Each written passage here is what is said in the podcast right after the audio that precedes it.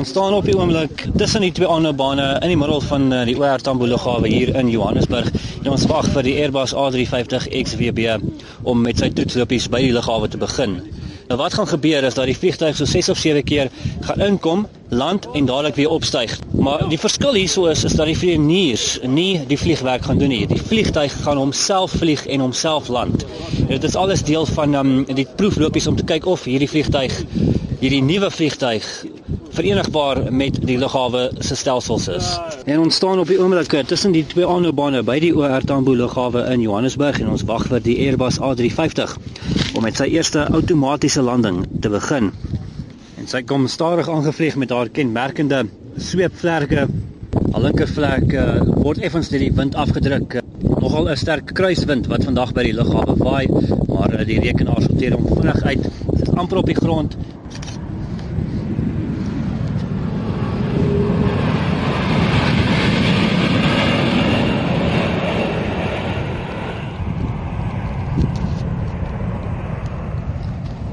Daar het jy dit. Die eerste outomatiese landing wat uit die vliegtuig self by uh, die OR Tambo lughawe uitgevoer het en uh, die neus is weer op en uh, sy draai skerp na regs om uh, vir 'n tweede keer hierdie stelsels te toets en uh, te kyk of dit verenigbaar is met Johannesburg se stelsels. Die soort landings waar die rekenaar die vliegtuig land word so ver moontlik gereeld gebruik by lughawens wat die nodige stelsels in plek het.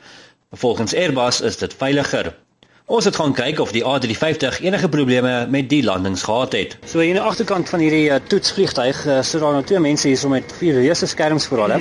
En hulle is nou besig om al die data van die vliegtuig na te gaan en seker te maak alles is reg. Ons is hier met uh, Jim Fawcett, 'n uh, vlugtoetsingenieur en hy beheer basies hierdie stelsel. Jim, tell us what's happening here. So we use the flight test engineer station to be able to monitor all of the parameters which are on board the aircraft so that we can instantly tell whether the tests we are doing are successful or not. We don't have to wait to look at the data after the flight. We can see it on the screens in front of us. What sort of tests are you talking about? So any tests we do with the aircraft, today here in Johannesburg we were doing tests on the Autoland system to check that the aircraft can safely land in case of bad weather. But in fact, I've got screens here which allow me to test other systems, such as one for the landing gear, which lets me check if the brake pressures are correct, if the wheel speeds are correct, uh, all number of things. And uh, the tests today were they successful? They were very successful. We're very pleased with the results, and it's a good contribution to the overall test campaign for the 350. So yes, we're very happy with our results today. Die A350 vlieg verder as sommige van sy mededingers, maar hoe skep jy 'n gemaklike omgewing vir passasiers wat ure lank in 'n stoel moet spandeer?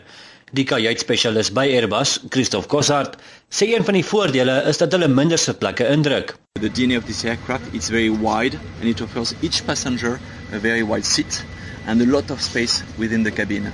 I'm going to sit near you just to demonstrate that. Okay? You can see here we are not touching the elbow. Okay? This is a trademark. If you were in a competitive aircraft, you would you would probably touch your elbow. Okay, so we believe for long haul flight it's very important to get this extra amount of space.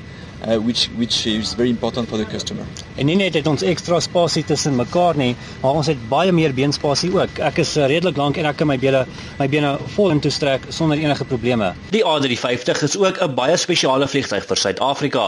Die visiepresident van internasionale betrekkinge by Airbus, Simon Ward, sê twee Suid-Afrikaanse maatskappye vervaardig sleutelkomponente wat op die konstruksie van die A350 gebruik word. Aerosud, which is making the clips that hold the fuselage together.